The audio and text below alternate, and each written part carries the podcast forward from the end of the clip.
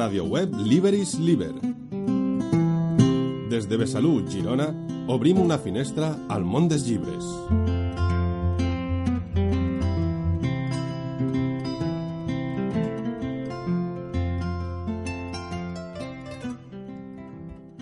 Bona tarda.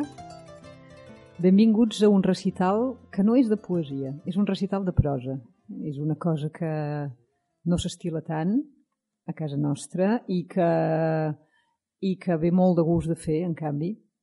Segurament té a veure amb coses arcaiques com, com les lectures de contes quan ets criatura, sentir, sentir algú explicar. Avui, eh, avui us, us farem un, diria un petit viatge per l'obra narrativa de la Víctor Català. La Víctor Català que, que tots vosaltres eh, heu llegit probablement Solitud, en coneixeu, sens dubte, els drames rurals, però que és d'aquestes autores com n'hi ha uns quants eh, en la literatura catalana que sent molt grans i molt evidents són també molt desconeguts, és a dir, més enllà d'un parell, potser tres de títols, tot queda per descobrir. I mm, és la Blanca Llum, que us llegirà eh, uns quants fragments d'uns quants contes bastant variats de la Víctor Català i que a part de llegir-los els, eh, els situarà eh, o us en parlarà. Perquè ella, per dos motius, un d'ells perquè com a poeta, eh, com a poeta i prosista, però com a poeta fins ara sobretot, eh, probablement l'obra de la Caterina Albert és una, és una de les deus i una de, una de les deus i un, i un dels aliments de la seva obra. Més enllà d'això, perquè la Blanca Llum n'ha estat l'editora. Fins ara hem publicat un film, l'altra la, novel·la de la Víctor Català, que és una novel·la que, que passa tota a la ciutat, a Barcelona, molt especialment al voltant del Mercat de la Boqueria i a Gràcia. És una, és una ciutat és una ciutat, és una novel·la tumultuosa, plena de gent, plena de cases, plena de famílies, plena de passavolants, plena de criminals, plena de bars, plena de balls, plena de tot el que vulgueu. I això ja diu una cosa de la Víctor Català i és que després de solitud se'n va voler anar exactament als antípodes del que havia fet. I això és molt característic. Em sembla que això potser explica el lligam de la Blanca Llum Vidal amb la Víctor Català. Hi ha autors que no els agrada quedar-se al mateix lloc. I, I un cop han picat una certa pedrera i han entès com s'havia de picar aquesta pedrera, en lloc d'explotar sempre aquella pedrera, se'n van a buscar un altre camí.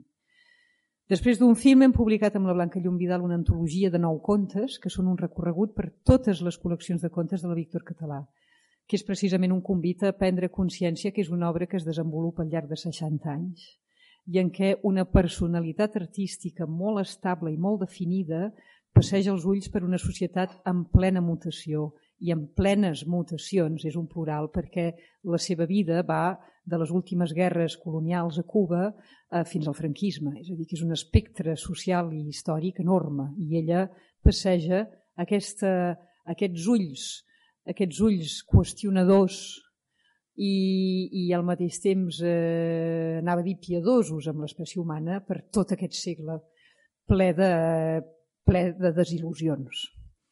I, I ara estem treballant amb la Blanca Llum en una altra aventura amb la Víctor Català, que són els contes complets en tres volums que començarem a publicar a partir del febrer de l'any que ve. I la primera cosa que, que em sembla que val la pena de dir i de sentir, per qui començarà la Blanca, és, eh, és que la, la Víctor Català és una autora que, que fa un pacte amb els seus lectors i el fa molt explícitament. Els volums de contes de la Víctor Català porten gairebé tots, un capçal en què s'adreça directament a, aquella persona que ella li diu llegidor, hm? els seus llegidors. Se li dirigeix de tu a tu i, i estableix un pacte, que és, eh, que és dir-li precisament què ha volgut fer, per quins camins passarà i advertir-li que si s'embarca amb ella ha d'estar disposat a sentir parlar de segons quines coses i que si no està disposat a sentir parlar de segons quines coses és important que no s'embarqui. I el primer d'aquests capçals, eh, el, el, el primer d'aquests adreços és el, que, és el que ara sentireu llegit per la Blanca que es diu Prec, que és el del seu primer recull de contes. Bona tarda. Uh, gràcies a tots per ser aquí. Uh, al voltant de la Víctor Català. Ara mateix llegiré el prec, que és el pròleg a Drames Rurals del 1902, però abans, si em permets, Maria, només tenia ganes de dir justament avui que crec que és important, no? ara en aquests moments que estem vivint en què tots tenim el cap, el cor i en molts casos també el cos doncs, una mica desballestats no? en aquests dies, doncs crec que és important eh, i d'una necessitat imperiosa cuidar-se justament i crec que una manera de cuidar-se és llegir Víctor Català. Ho, ho pensava venint cap aquí i crec que serveix per cuidar-se precisament perquè és una obra que de maneres diferents, no? però apunta sempre i remena i, i intenta pensar i repensar una idea que molt sovint és només una idea, però que tant en la Víctor com en aquests dies que estem vivint avui doncs, està molt sobre la taula, que és la idea de llibertat. No? Llibertat en molts aspectes de la vida i del viure i del relacionar-se. No? I una idea que ella tracta, que pensa des de diferents llocs i des de diferents angles, angles i en tots els racons, no? que implica necessàriament eh, assenyalar no? i d'alguna manera doncs, denunciar diferents injustícies, vulnerabilitats, imposicions, trampes, perills, etc. No? I per tant crec que llegir la Víctor és cuidar-se d'una manera, si es vol, no, no excessivament còmoda, no planera, però sí que ho és. No? És una manera potser molt crítica i molt severa, però crec que per això mateix és important. No? I per tant el primer que voldria proposar-vos és doncs, d'imaginar d'enganxar la Víctor català avui aquí, en el present, i si voleu imaginar-nos-la doncs, per aquí a Besalú, no? i poder pensar doncs, que d'aquí una estona anirem a fer una, una birra potser no, però un cafè amb ella i escoltar, un conyac, i escoltar doncs, alguna de les seves lliçons, lliçons ho, ho, ho dic en el bon sentit, en el sentit bonic, no? el sentit d'ensenyament. De, I en aquest sentit, abans d'entrar en això que deia la Maria, que és molt interessant, aquests textos de convit i de pacte, realment, amb el lector, eh, us volia deixar anar doncs, dos fragments que no són en aquest volum antològic, sinó són dos altres fragments de Jubileu, una obra del 1951, i que crec que són de, o sigui que impacten molt en el present, d'una manera molt radical. No? En el primer dels casos és un, una mena d'avís, una mena de premonició sobre una realitat que avui està vivint molta gent no? i que és una realitat molt dura, molt violenta i molt dolorosa, que és el bullying immobiliari, llavors és un trosset molt, molt potent, en el qual hi ha un diàleg entre dos senyors mascles, això també és molt interessant, que siguin dos homes que prenen la paraula, i aquí en aquest cas doncs, parla l'especulador. No? I llavors hi ha algun apunt del, del narrador que és que està francament esperberat. No? I l'altre dels fragments doncs, és una mena de reflexió sobre la igualtat de gènere, diria. El que passa és que també es produeix, molt curiosament, en, en un diàleg amb dos senyors de Bellnou i llavors crec que és, un, és una reflexió que va molt més enllà de, dia, de, de debats que es produiran també molt més tard, de diferents feminismes, si es vol, feminisme de la diferència, feminisme de la igualtat, és a dir, la Víctor Català fa, jo crec que fa un pas, s'avança encara més aquest tipus de debats, no? i de fet el que, el que crec que entronca més aviat serà, serà amb teories mm, absolutament presents que, que pensen doncs, el tema d'unes identitats molt més mòbils. No? I llavors, si us sembla, us, us llegeixo aquests, aquests dos primers fragments. I el primer diu, um, podran fer-me gruar un any més, però han de caure les meves mans, com et dic, tant si volen com si no. I si m'amoïnen, quan vingui l'hora, rebaixaré l'oferta. I davant el meu aire interrogant afegir. Tenen un pobre bailet al sanatori, que els costa un sentit. Ell també està a l'escapça, ja no pot cuidar-se de res. Per això van haver de suspendre les obres. Quasi bé han arribat al fons del sac i d'això em refio jo, comprens? Per ara em quedaré la belga. La belga aquí té el sentit doncs, de terreny, de tros, de tros de terra. No? Diu, per ara em quedaré la belga queixa perquè no voldria pas sentir parlar de res més. Però com no tenen solució, quan l'hora arribi, és el que diu la Maria, Aleshores podríem acabar la torre, que donant a la cantonada estaria molt més ben situada que la nostra i vendre o arreglar aquesta, un negoci rodó. Vaig sentir un viu impuls de revolta i la inconsciència i amoralitat del meu amic ja no em van semblar que tinguessin res de còmica. Un misteriós fenomen de televisió va passar-me, d'improvís, davant dels ulls, aquella pobra família inconeguda, innominada, debatent-se angoixosament, amb l'aigua al coll, abans d'ofegar-se per sempre, o impossibilitat esfereïdora de la vida. I això és un fragment del, del conte Sonata moderna de Jubileu. I l'altre, que tenia ganes doncs, de, de llegir-vos avui, perquè crec que és això ressona molt eh, avui en dia, diu apaivaga la quimera home No n'hi ha per tant. Al cap i a la fi tothom és lliure, si n'és, de pensar i de sentir el que li sembli. Més el que et dic, i recorda-te'n, és que una hora o altra vindràs amb mi. Així que la idea corrosiva t'hagi donat prou toms pel cervell, obligant-te, vulgues no vulgues, expulsar-te la mandra de rumiar, els teus prejudicis mil·lenaris capitularan, amb recança si vols, però capitularan, i aleshores convindràs en que una de dues. O nosaltres no tenim dret a enganyar-les a elles, o elles tenen el dret de fer-ho amb nosaltres. Febleses, passions, apetències, desganes, il·lusions i desenganys, amb totes les seves derivacions i complicacions trasbalsadores, no són patrimoni d'un sexe, sinó trist heretatge de tota la humanitat. Per això l'excusa i l'absolució consegüents, si han de ser justes, han de ser comunes i recordo insistir una vegada més en que és un diàleg en dos homes, no? que un doncs, li diu això um, adona-te'n perquè això algun dia doncs, um, s'haurà d'acabar. No? I just un apunt molt breu, que això ve d'un recull que jubileu, que és publicat al començament dels anys 50. Mm. És dir, imagineu aquests discursos, aquest discurs, des d'on surt, a quin moment surt i a qui es dirigeix. Exactament.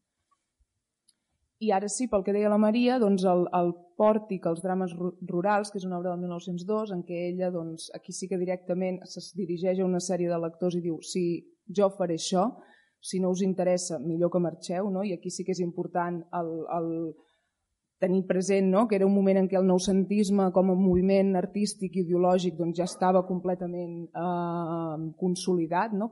Com a moviment artístic i ideològic de l'ordre, no? que defensava doncs, unes determinades idees mm, que, molt, que tots sabeu, no? de mediterranitat, de civilitat, de retorn als clàssics, d'ordre. No?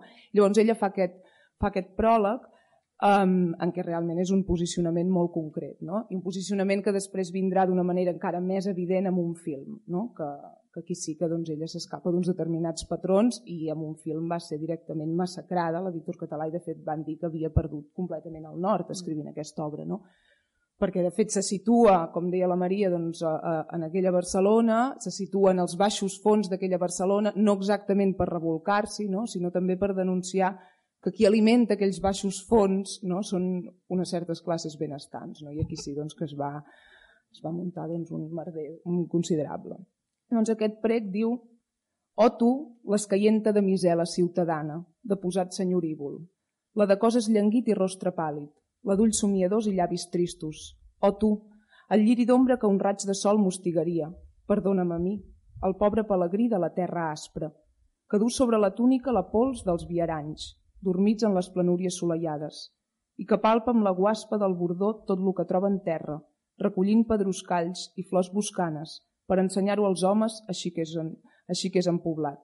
Perdona'm, o tu, de misela ciutadana, si per d'encert cauen tes mans de nacre, anèmiques i gràcils, aquest llibrot feixuc.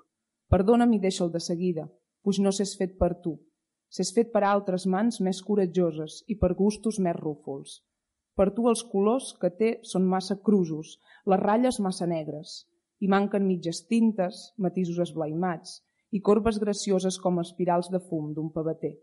Aquest és un aplec dels pedruscalls que et deia, de formes anguloses i endurides, invariables a través dels segles, i no et pot plaure tu, que admires la pedra adulterada pel cisell i per l'enginy dels homes, com tampoc t'aplauria el pom de flors silvestres que guardo en Montserró de rumiatge, puix tots són flors senzilles, primitives, unes inoloroses, les altres de fragàncies extremades, que fan girar la cara als qui al qui no hi està fet i que repugnarien a ton nas fi, d'aletes tremoloses, acostumat a les olors discretes i a tus ulls, que gaudeixen dels tirats neurastènics de les flors de saló i d'hivernacle. No, no fan pas per tu, aquestes coses. Més potser algun dia, llevant-me les sandàlies, fetes a transitar per les terres resseques i despullant-me del vestit de Romeu, amb les carculles que fan pensar en lo que no mor mai, potser sí que l'escrigui, un altre llibre més bonic que el present, un llibre de les coses, de les coses que passen amb el buf del destí, un llibre gai, de marquesets i reines, de boscos endormiscats i de caceres, un llibre pulcre i frèvol com un país de vano o com un pom de balbes crisantems. I aquell dia, oh esbelta de misela ciutadana de posat escaient i llavis tristos, aquell dia, un minúscul present serà per tu. Pues llavors podré dir-te, Agafa'l sense por, ben refiada, i teixeix en son fil de fantasia ton retallet d'estofa de Penèlope. Més ara plega. Plega, que ni jo et vull ofendre ni tu deus ésser cap Isabel d'Hongria per recrear-te en l'esport divinal de veure llagues i acaronar la ronya que es troba tot corrent per la terra aspra, ben lluny de les grans urbs. Plega, doncs, de misela ciutadana, creu-me, plega i somia. I un altre d'aquests um, d'aquests textos de declaració de principis no? que, que jo crec que són, són, són tan necessaris com la majoria de la seva obra. És un, un, el pròleg que fa doncs, dos anys després, després a Umbrívoles, i aquí ella sí que diu, explica, ja no, no, no, no és tant oposar-se a un determinat ordre de coses, com en aquest cas, no? que la de misela ciutadana doncs, podria ser doncs, una imatge doncs, molt noucentista, no? sinó que ella explica cap on se'n va la seva escriptura, què és el que li interessa, i, i això ensenya, posa les cartes damunt la taula d'entrada. No?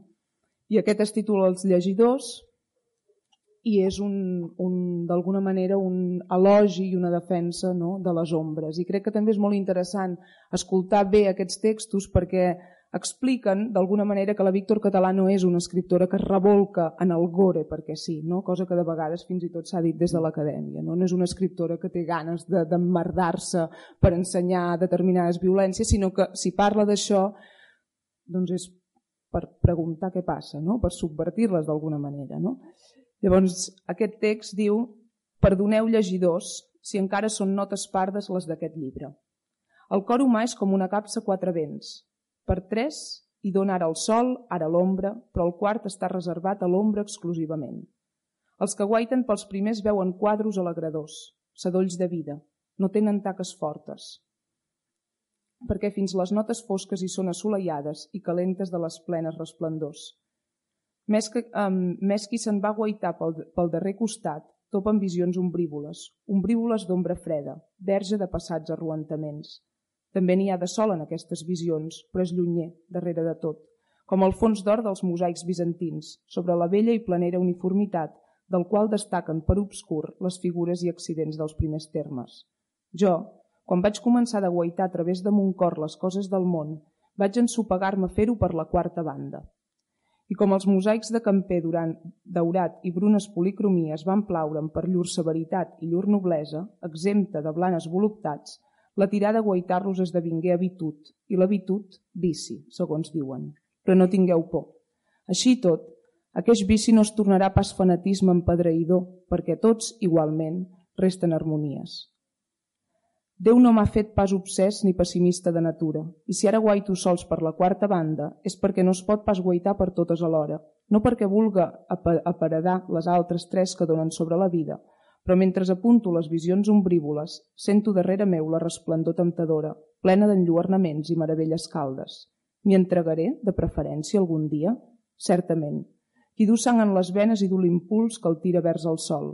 El sol atrau i encega, però en aquell que sense essa àliga, si vol acostar massa de dret, li fon, en càstig, les ales de cera de l'atreviment. L'ombra és més modesta, però menys cruel, i té també, què diastre, les seves grans belleses, unes grans belleses farèstegues, de vim pregom, que es perveren els ulls envellotats i fan xisclar d'esglai les boques molsudes i obriagues de petons, més que no per això deixen d'ésser legítimes belleses. A mi no m'espanten pas, molts cops asclen la meva ànima amb ses negres destrals, però la voluntat del dolor és tan real i tan corprenedora com la voluntat del gaudir, que tots són voluptats i totes les voluptats tenen el mateix encís. Quelcom encara demana en mi parlar de trist, de tristors ombrívoles. No em demana pas de dir-vos-les a vosaltres, sinó redir-me-les a mi mateix. Si no us plau escoltar-les, deixeu-me sol amb elles, i així tots haurem fet el nostre gust. I d'aquesta manera, lliures de mutuals contrarietats, sabrem respectar-nos i estimar-nos millor els uns als altres. Bé, i aquests dos són els dos dels pròlegs que havíem triat per llegir-vos avui i no, no ens podem allargar molt, però Hi ha, hi ha un, un, ara sí, contes d'aquesta antologia, que és una, és una tria que ha fet la Lluïsa Julià, que també està um, comentada per ella al final, uh, i és doncs, interessant i molt recomanable doncs, els comentaris que ella ha fet. Un dels primers contes és, és una mica, m'agrada especialment, i és el conte, un conte que parla doncs, de... És una obra, ara ho comentàvem, eh, molt gairebé perfecta, que parla doncs, de la bellesa, bellesa amb B baixa d'una persona gran, de la solitud, de la tristesa, de, de com costa acostumar-se a la misèria. No? I us llegiré un fragment just, just després de quan aquesta dona doncs, ja s'ha ferit, ha tingut un atac de feridura i la família doncs, la té col·locada a un porxo a mercè eh, dels quatre vents tot el dia. No? I ella, doncs, malgrat la seva incapacitat física, doncs, doncs això, s'adona de, de la seva realitat. No?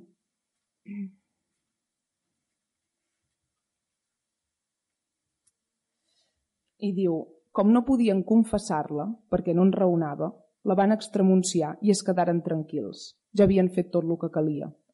Al vespre van recordar-se de que no havia menjat res del dia abans i li portaren un plat de sopa i un got de vi.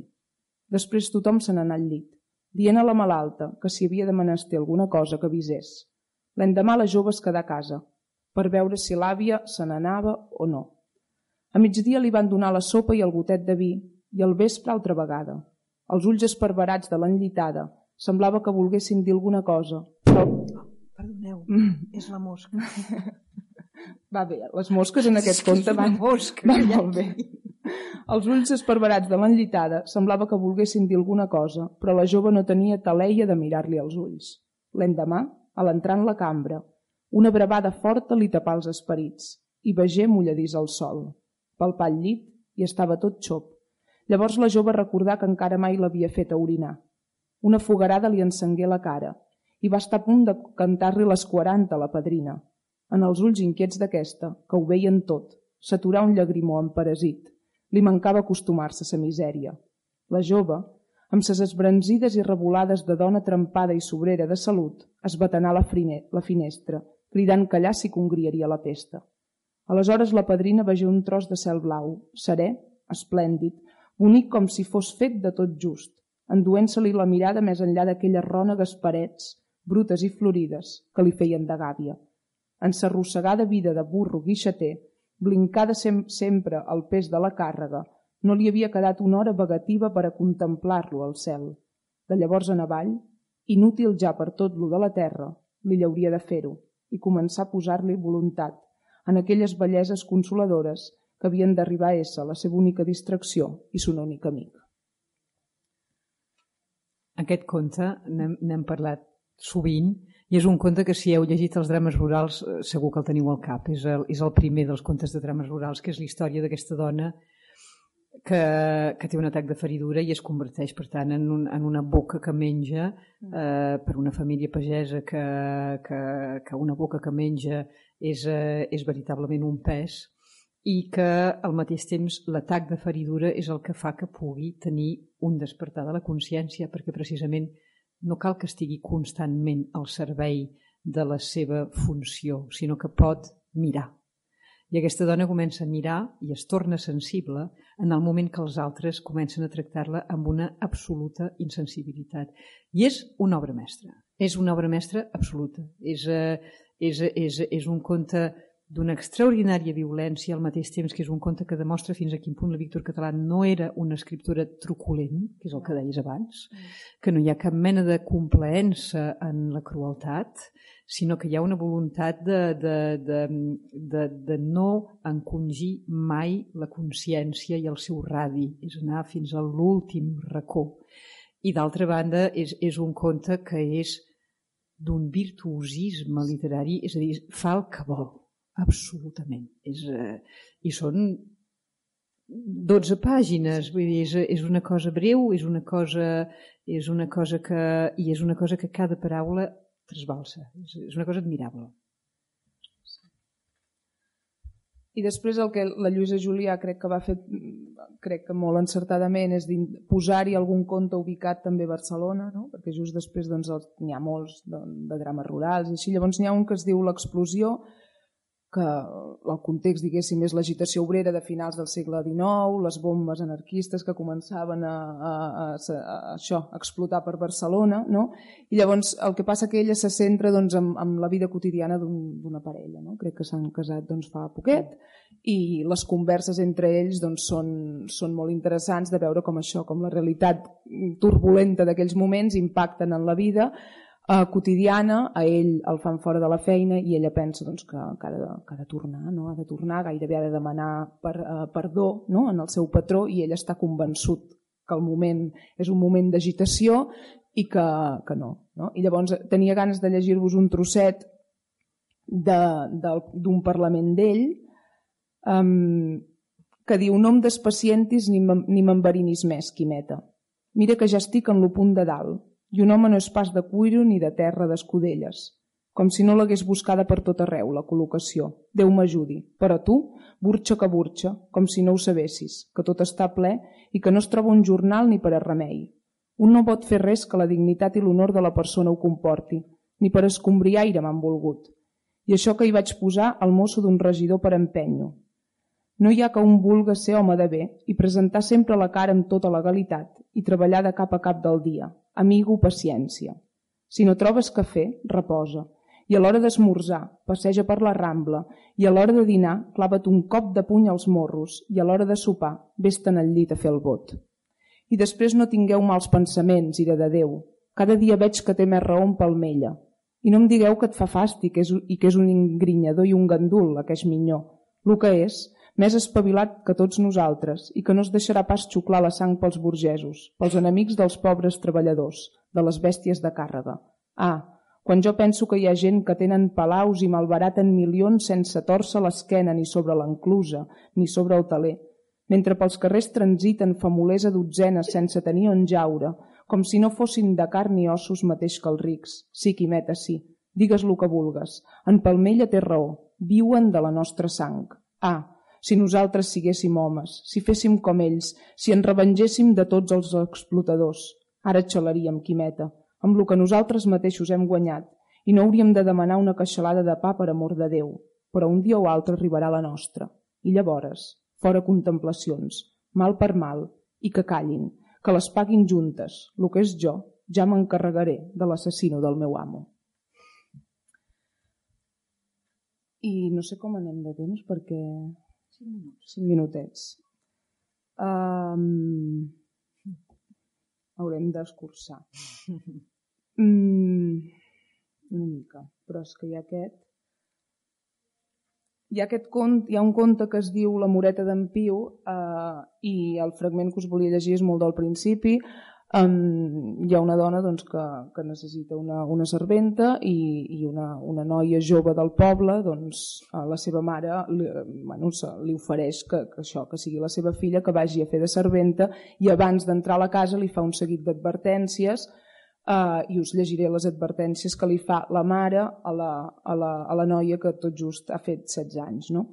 Diu, havia complert 16 anys i es veia que aquells 16 anys li durarien per la vida Fora d'això, el més important que tenia aquella minyona era sa mare.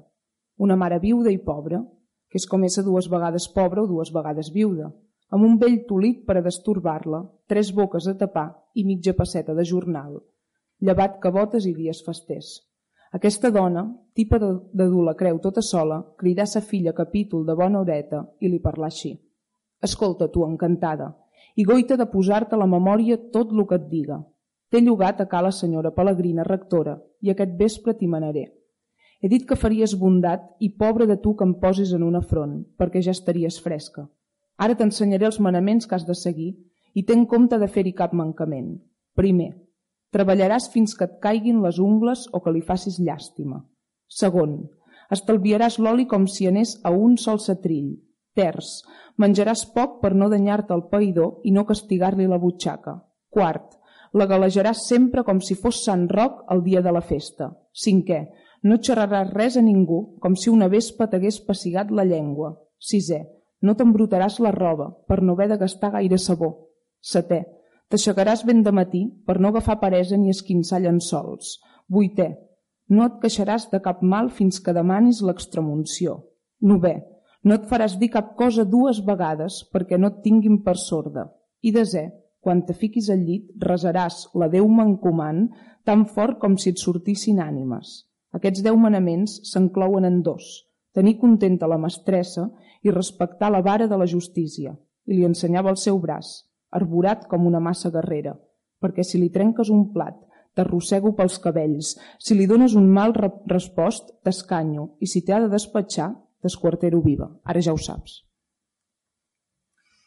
I ell és així de contundent. I no sé, no sé si hem de llegir algun altre trosset o de moment això o si, és un tas. O si esteu servits amb aquest final, amb aquest final d'aquest diàleg de mare a filla. Eh? Això és una cosa que és molt d'ella, sí. igual com a l'explosió és, és la temptació de l'atemptat en un home de bé, però aquesta temptació explicada en forma de diàleg entre un home i una dona que són una parella jove. Que té ganes de festejar. I que acaba com acaba i aquí també és a través dels diàlegs que, que, que tot ho comunica. Aquesta, aquesta manera que tenia ella de parar l'orella a les converses dels seus personatges i que, i que els seus llibres en són plens. Per tant, em sembla que aquí us deixarem.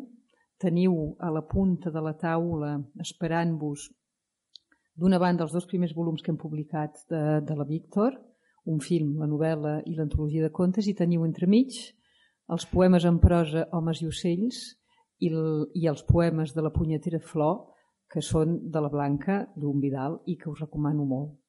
Gràcies per Moltes la vostra gràcies. assistència.